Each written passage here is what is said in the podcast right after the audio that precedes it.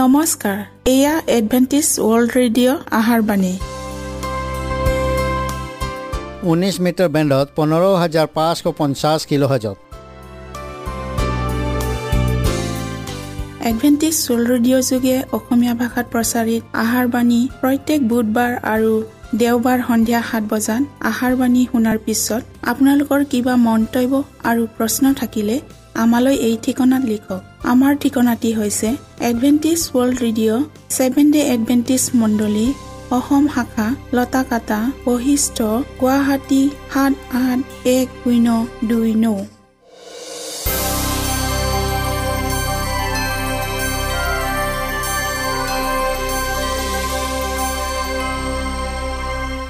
প্ৰিয় শ্ৰোতা বন্ধুসকল এতিয়া শুনো আহক এটি খ্ৰীষ্টীয় ধৰ্মীয় গীত।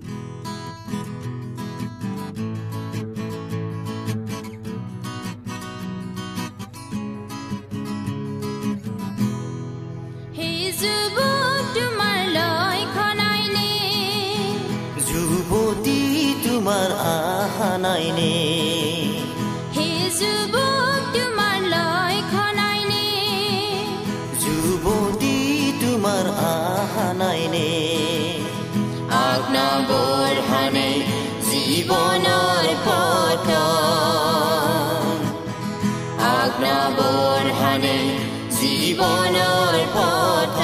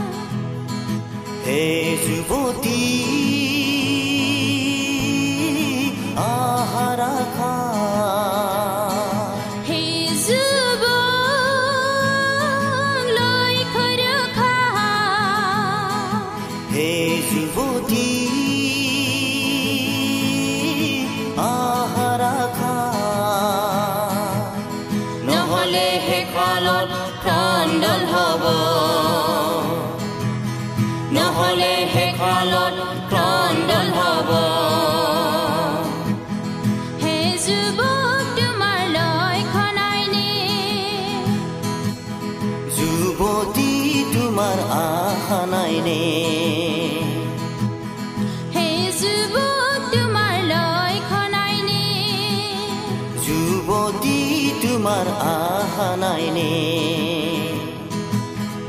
আজ্ঞাবৰ্ষণে জীৱনৰ পথ আজ্ঞাবৰ্ষণে জীৱনৰ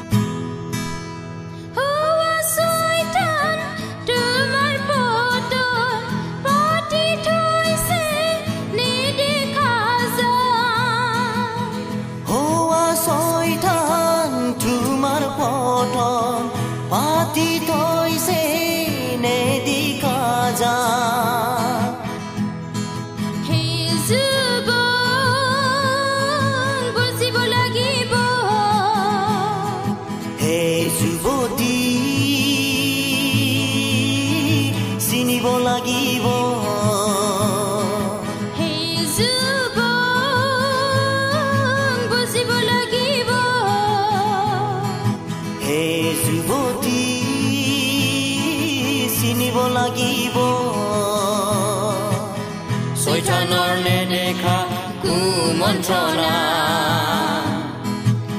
চৈতানৰ নেদেখা কুমন্ত্ৰণা সেই যুৱক তোমাৰ লক্ষণ আইনে যুৱতী তোমাৰ আশা নাইনে সেই যুৱক তোমাৰ লক্ষণ আইনে যুৱতী তোমাৰ আশা বৰহানে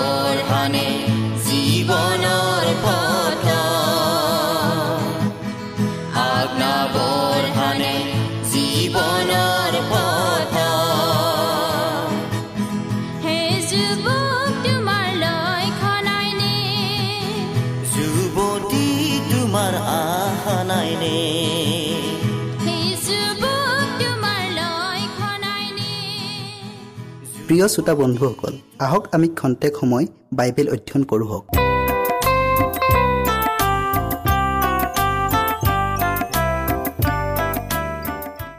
প্ৰিয় শ্ৰোতাসকল আজি আমি যোৱা অনুষ্ঠানৰ দুষ্ট আত্মাৰ অনুচৰবৰ্গ ইয়াৰ শেষ অংশটো অধ্যয়ন কৰোঁ হওক। অধ্যয়ন কৰাৰ আগতে আমি প্ৰাৰ্থনা কৰোঁ হওক। স্বৰ্গত থকা প্ৰেমময় ঈশ্বৰ জিহুৱা তোমাক আকৌ ধন্যবাদ দিছোঁ প্ৰভু এই সুন্দৰ সময়ৰ নিমিত্তে। প্ৰভু তুমি বিষয়টিৰ অধ্যয়ন শেষ নোহোৱালৈকে আমাৰ সংগে সংগে থাকি আশীৰ্বাদ দান কৰা আৰু পবিত্ৰ আত্মাৰে প্ৰত্যেক শ্ৰোতাৰ হৃদয় স্পৰ্শ কৰি দিয়া। যীশুৰ নামত খুজিলোঁ। আমেন। ছয়তানৰ সংখ্যা শক্তি আৰু অপকাৰিতা কিমান আছিল আৰু সেইদৰে কৃষ্টৰ শক্তি আৰু কৰোণাও কিমান আছিল তাৰ এটা উল্লেখনীয় উদাহৰণ। গেৰাচেনিয়াবিলাকৰ দেশত ভূতে পোৱা এজন মানুহক সুস্থ কৰা ঘটনাৰ বিষয়ে বাইবেলত বৰ্ণনা দিয়া হৈছে। সেই দুৰ্ভগীয়া মানুহজনক একোৰে বান্ধি ৰাখিব পৰা নাছিল। শিকলি বেৰি সকলোবোৰক বাৰে বাৰে ছিঙি পেলাইছিল। সি নিজকে শিলেৰে কাটি ক্ষত বিক্ষত কৰি লৈছিল। তাৰ চিঞৰত আকাশ পাতাল ফাটি গৈছিল। তাৰ ভয়ংকৰ ৰূপ দেখি তাৰ ওচৰলৈ কোনো মানুহ যাবলৈ সাহস কৰা নাছিল। তাৰ ক্ষত বিক্ষত শৰীৰটোৰ পৰা ওলোৱা তেজ আৰু তাৰ কদৰ্শ ৰূপটোৱে বোধ কৰোঁ অন্ধকাৰৰ অধিপতিজনক আনন্দ দান কৰিছিল। মানুহজনক নিয়ন্ত্ৰণ কৰি ৰখা এটা ভূতে এই বুলি ঘোষণা কৰিছিল। মোৰ নাম বাহিনী কিয়নো আমি অনেক আছোঁ মাৰ্ক পাঁচ অধ্যায়ৰ নৌপদত ৰমিঅ' সৈন্যৰ এটা বাহিনীৰ অধীনত তিনি হাজাৰৰ পৰা পাঁচ হাজাৰৰ মানুহ আছিল। ছয়তানৰ বাহিনীটো দলে দলে লগ হৈ ঘূৰি ফুৰিছিল আৰু উল্লেখ কৰা এটা দলত তিনি হাজাৰতকৈ কম ভূত নাছিল। শ্ৰোতাসকল যীশুৰ আদেশত সেই দুষ্ট আত্মাবিলাক সিহঁতৰ চিকাৰ হোৱা মানুহৰ পৰা ওলাই গৈছিল আৰু ভূতে পোৱা মানুহবিলাকক শান্ত আৰু স্বাভাৱিক অৱস্থাত যীশুৰ চৰণত পৰি ৰৈছিল। কিন্তু এই ভূতবিলাক সাগৰৰ দাঁতিত চৰি থকা এজাক গাহৰিৰ দেশত সোমাবলৈ অনুমতি পায়। তাত সোমাই গাহৰিৰ আটাই জাককে সাগৰৰ পেলাই মাৰি পেলাইছিল। আৰু গেৰাচেনীয়াবিলাকে যীশুৱে প্ৰদান কৰা আশীৰ্বাদকৈ গাহৰি মৰি যি লোকচান হ'ল তাৰ প্ৰতিহে অধিক গুৰুত্ব দিছিল আৰু ঐশ্বৰিক আৰোগ্যকাৰীজনাক তাৰ পৰা প্ৰস্থান কৰিবলৈ বাধ্য কৰিছিল। ছয়তানে এনেধৰণৰ ফলাফলবোৰকে পাবলৈ কামনা কৰে। মানুহৰ সকলো ধৰণৰ লোকচানৰ দায় যীশুৰ ওপৰত জাপি দিয়াৰ দ্বাৰাই সি মানুহৰ মনত জাগতিকভাৱে সকলো দিশতে লোকচান ভৰাৰ এটা ভয় জন্ম দিয়ে। আৰু তেওঁৰ বাক্য শুনাৰ পৰা তেওঁবিলাকক বিৰত কৰে। লোকচান দুৰ্ভাগ্য আৰু দুখ কষ্টৰ বাবে প্ৰকৃততে যিবিলাকে দায়ী সেইবিলাকক ভৰ্ণা নকৰাকৈ ছয়তানে সদায় ইয়াৰ বাবে খ্ৰীষ্টানবিলাককহে দায়ী কৰি আহিছে। আৰু ইয়াৰ বাবে একমাত্ৰ অপৰাধীজন যে স্বয়ং নিজে আৰু তাৰ সংগীসকল তাক লুকুৱাই ৰাখিছে। কিন্তু কৃষ্টৰ যি উদ্দেশ্য সি নিশকতীয়া নাছিল। যিবিলাক যীশুদীয়া আৰ্থিক লাভালাভৰ বাবে এই অসুচী গাহৰিবোৰক পুহিছিল। তেওঁবিলাকক তিৰস্কাৰ কৰাত অৰ্থেই তেওঁ সেই গাহৰিৰ জাকটোক নষ্ট কৰিবলৈ অসুচী আত্মাবোৰক অনুমতি দিছিল। কৃষ্টই ভূতিবিলাকক নিষেধ নকৰাহেঁতেন মাত্ৰ গাহৰিৰ জাকটিয়ে সাগৰৰ পানীত পৰি ক্ষান্ত নাথাকিলেহেঁতেন। কিন্তু তাৰ লগতে সিহঁতৰ ৰখীয়া আৰু মালিকসকলেও সিহঁতৰ সৈতে পানীত পৰি মৰিলেহেঁতেন। ৰখীয়া আৰু মালিক দুয়ো পক্ষই যে নষ্ট হোৱাৰ পৰা ৰক্ষা পৰিল তাৰ একমাত্ৰ কাৰণ আছিল তেওঁৰ শক্তি আৰু অসীম কৰোণা। ইয়াৰ উপৰিও এই ঘটনাটোক তেওঁ ঘটিবলৈ তেওঁ এই কাৰণে অনুমতি দিছিল যাতে মানুহ আৰু পশু উভয়ৰে ওপৰৰ ছয়তানৰ সিংহ শক্তিয়ে কেনেকৈ কাৰ্য কৰে তাক যেন শিষ্যসকলে দেখা পায়। ত্ৰাণকৰ্তাজনাই বাঞ্ছা কৰিছিল যেন তেওঁৰ অনুসৰণকাৰীসকলে সেই শত্ৰুজনৰ বিষয়ে কিছু জ্ঞান লাভ কৰক। যিজন শত্ৰুক তেওঁবিলাকে আগভেটিবলগীয়া আছিল আৰু তেওঁবিলাকে যেন তাৰ প্ৰতাৰণাত প্ৰতাৰিত নহয় আৰু তাৰ চতুৰ কৌশলেৰেও যেন পৰাজিত নহয়।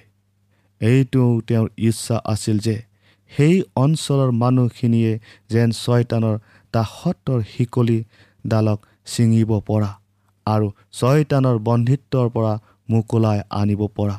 তেওঁ শক্তিক দেখা পায়। আৰু যদিও যীশু নিজেই তাৰ পৰা আঁতৰি আহিছিল সেই মানুহখিনিয়ে ইমান আচৰিতভাৱে উদ্ধাৰ পাইছিল যে তেওঁবিলাকে তেওঁবিলাকৰ পৰম উপকাৰী জনাৰ অপাৰ কৰোণাক প্ৰচাৰ নকৰাকৈ থাকিব পৰা নাছিল। প্ৰিয় শ্ৰোতাসকল এই এনেধৰণৰ অসুচী দুষ্ট আত্মাৰ বিষয়ে বাইবেলৰ আন আন ঠাইত বিভিন্ন পৰিস্থিতিত বৰ্ণনা কৰা আছে। সেই চুৰপেইনিকীয়া তিৰোতাজনীৰ জীয়েকজনীক বৰ বেয়াকৈ অসুচী আত্মা লম্ভিছিল যাক যীশুৱে তেওঁৰ বাক্যৰ দ্বাৰাই খেদি পঠিয়াইছিল। মাৰ্ক সাত অধ্যায় ছাব্বিছৰ পৰা ত্ৰিছ ফুটলৈকে আপোনালোকে চালে পাব। আন এজনক ভূতে লম্ভি তাক অন্ধ আৰু বোবা কৰি পেলাইছিল। মঠি বাৰ অধ্যায়ৰ বাইছ পদত আপোনালোকে চাওক আন এজন যুৱক যাক এটা বাবা আত্মাই লম্ভিছিল আৰু সি ল'ৰাটোক বাৰে বাৰে জুই আৰু পানীত পেলাই নষ্ট কৰিব বিচাৰিছিল। মাৰ্ক নৌ অধ্যায়ৰ সোতৰ পৰা সাতাইছ ফুটলৈকে আপোনালোকে চাওক। সেই উন্মত্ত মানুহজন যিজনক এটা অসুচী ভূতে লম্ভিছিল যিজনে কপৰনাহোমৰ নামঘৰত বিশ্ৰামবাৰ পালন কৰাত ব্যাঘাত জন্মাইছিল। লোক চাৰি অধ্যায় তেত্ৰিছৰ পৰা ছয়ত্ৰিছ পদলৈকে আপোনালোকে চাওক। সেই ভূত লম্ভা সকলোকে পৰম দয়ালু ত্ৰাণকৰ্তাজনাৰ দ্বাৰাই আৰোগ্য কৰা হৈছিল। প্ৰতিটো পৰিস্থিতিতে খ্ৰীষ্টই অতি বুদ্ধিদীপ্ততাৰে ভূতবোৰক কথা কৈছিল সি লম্ভাজনৰ পৰা ওলাই আহিবলৈ আৰু তাক দুনাই অনিষ্ট নকৰিবলৈ আদেশ দিছিল।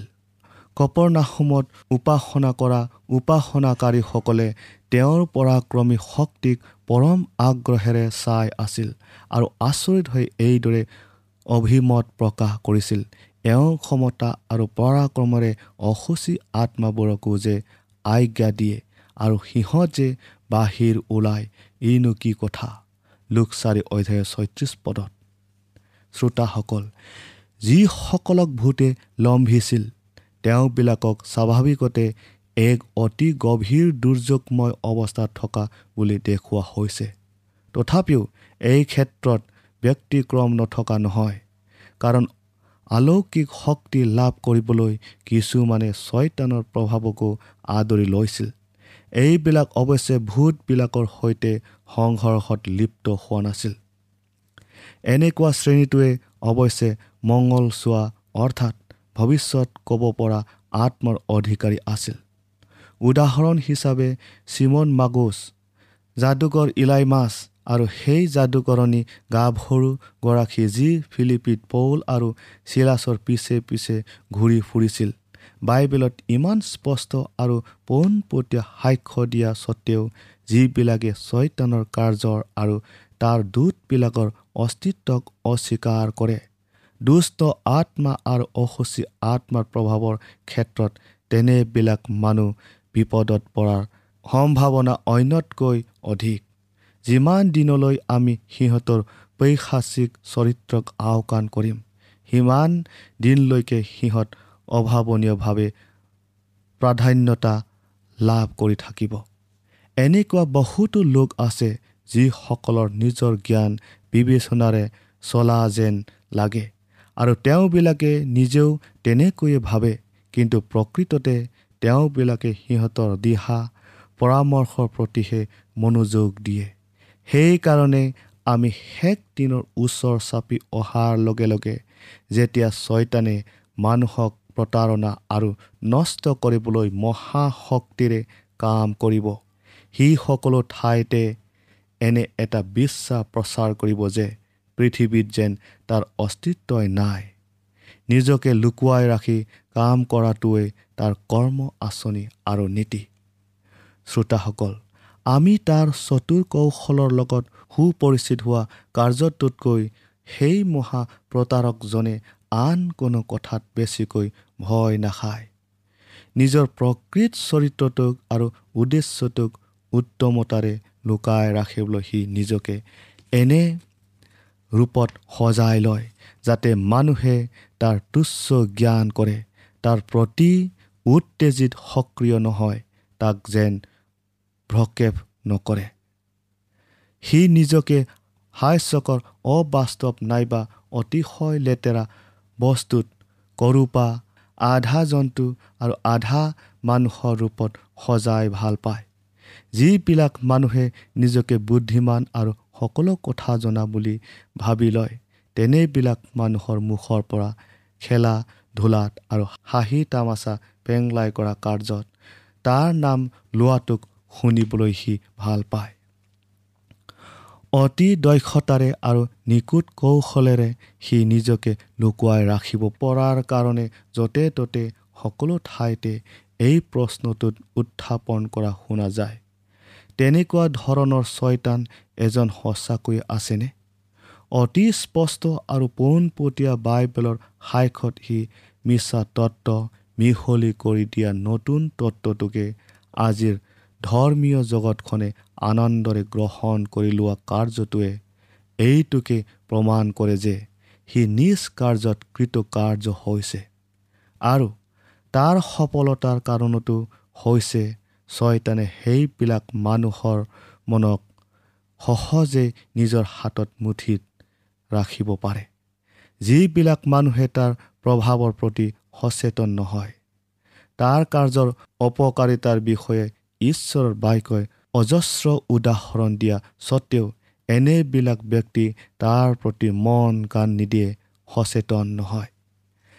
বাইবেলে তাৰ গুপ্ত শক্তিৰ বিষয়ে আমাক জনায় যাতে আমি তাৰ আক্ৰমণৰ পৰা নিজকে ৰক্ষা কৰিব পাৰোঁ।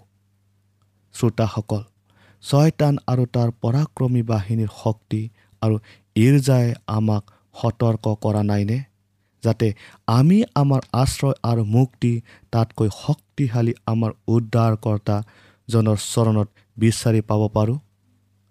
আমি আমাৰ ঘৰখনৰ দৰ্জা খিৰিকীবোৰক কব্জা আৰু চিটকণি আৰু তলা চাবিৰে অতি সাৱধানেৰে বন্ধ কৰি দুষ্ট মানুহৰ পৰা আমাৰ টকা পইচা সা সম্পত্তি আৰু প্ৰাণ ৰক্ষা কৰোঁ। কিন্তু আমি কাচিতহে কেতিয়াবা সেই দুষ্ট দূতবিলাকৰ বিষয়ে চিন্তা কৰোঁ। যিসকলে অনবৰতে আমাক আক্ৰমণ কৰিবলৈ চেলু বিচাৰি আছে আৰু যাৰ আক্ৰমণক প্ৰতিহত কৰিবলৈ আমাৰ নিজৰ শক্তিও নাই আৰু আত্মৰক্ষাৰ উপায়ো নাই। আমি যদি সিহঁতক আক্ৰমণ কৰিবলৈ সুবিধা দিওঁ তেতিয়াহ'লে সিহঁতে আমাৰ মনবোৰক বিভ্ৰান্ত আৰু জন্মাত কৰিব। আমাৰ শৰীৰবোৰক উৎপীড়ত হৈ উৎপীড়ন উৎপীড়ন কৰি বিকৃত কৰি পেলাব আৰু আমাৰ সা সম্পত্তি আৰু জীৱন নষ্ট কৰি পেলাব। আমাক নিৰ্যাতন দি ধ্বংস কৰাতহে সিহঁতৰ আনন্দ আছে। যিবিলাকে ঐশ্বৰিক সুপৰামৰ্শক আওকাণ কৰি ছয়তানৰ প্ৰলোভনত নিজকে সঁপি দিয়ে তেওঁবিলাকৰ অৱস্থা কিন্তু অতিশয় ভয়ংকৰ। প্ৰিয় শ্ৰোতাসকল ঈশ্বৰে কিন্তু দুষ্ট আত্মাবিলাকক প্ৰতিৰোধ কৰাৰ উপায় মানুহক প্ৰদান কৰিছে। যিবিলাকে কৃষ্টক অনুসৰণ কৰে তেওঁবিলাক তেওঁৰ অতন্ত্ৰ পহৰাত সদায় নিৰাপদে থাকে। সেই স্বৰ্গদূতবিলাক যাৰ গাত অপাৰ শক্তি আছে তেওঁবিলাকক কৃষ্টৰ অনুসৰণকাৰীসকলক নিৰাপত্তা দিবলৈ স্বৰ্গৰ পৰা প্ৰেৰণ কৰা হয়। ঈশ্বৰে তেওঁৰ মানুহখিনিৰ চাৰিওফালে সুৰক্ষাৰ যি বেহু ৰচনা কৰিছে। তাক ভাঙি দুষ্ট আত্মাবোৰে কেতিয়াও ভিতৰলৈ সোমাই আহিব নোৱাৰে।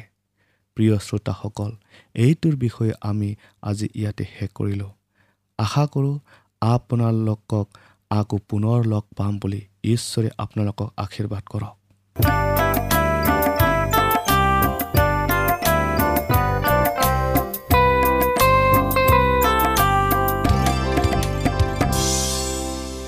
ইমানপুৰে আমি বাইবেল অধ্যয়ন কৰিলোঁ। এতিয়া আকৌ শুনো আহক এটি খ্ৰীষ্টীয় ধৰ্মীয় গীত।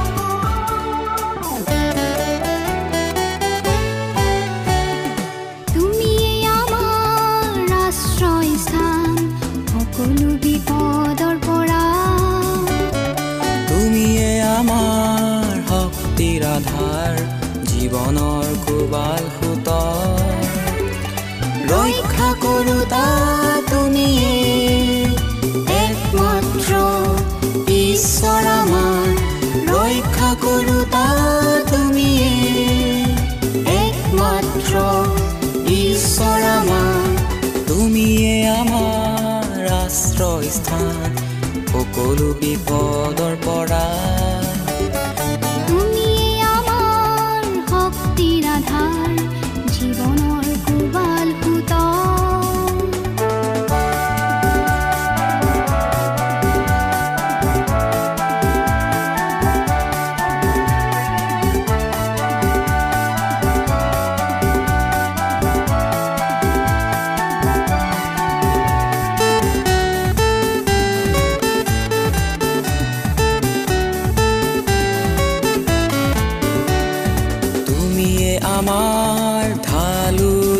up.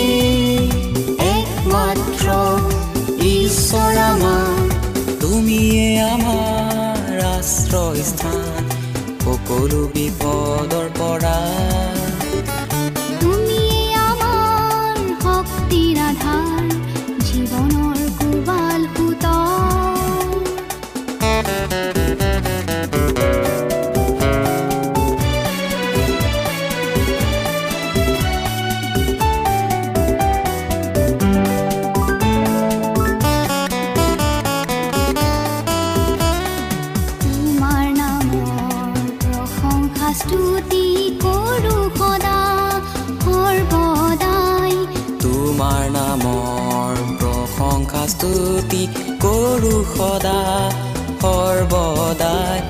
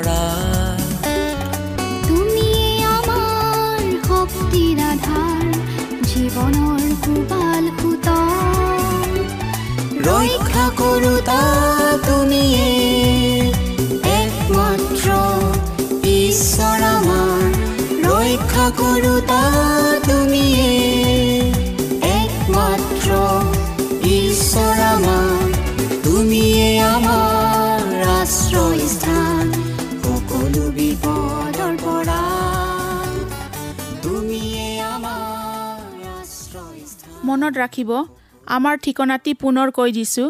Adventist World Radio' Assam region of seven day Adventist voice of hope Latakata Basistha Guwahati seven eight one zero' two nine প্ৰিয় শ্ৰোতা বন্ধুসকল এডভেণ্টিজ ৱৰ্ল্ড ৰেডিঅ' যোগে আহাৰবাণী প্ৰচাৰত আপোনালোকক পুনৰ লগ পোৱাৰ আহাৰে আজিলৈ সামৰিলোঁ। ধন্যবাদ।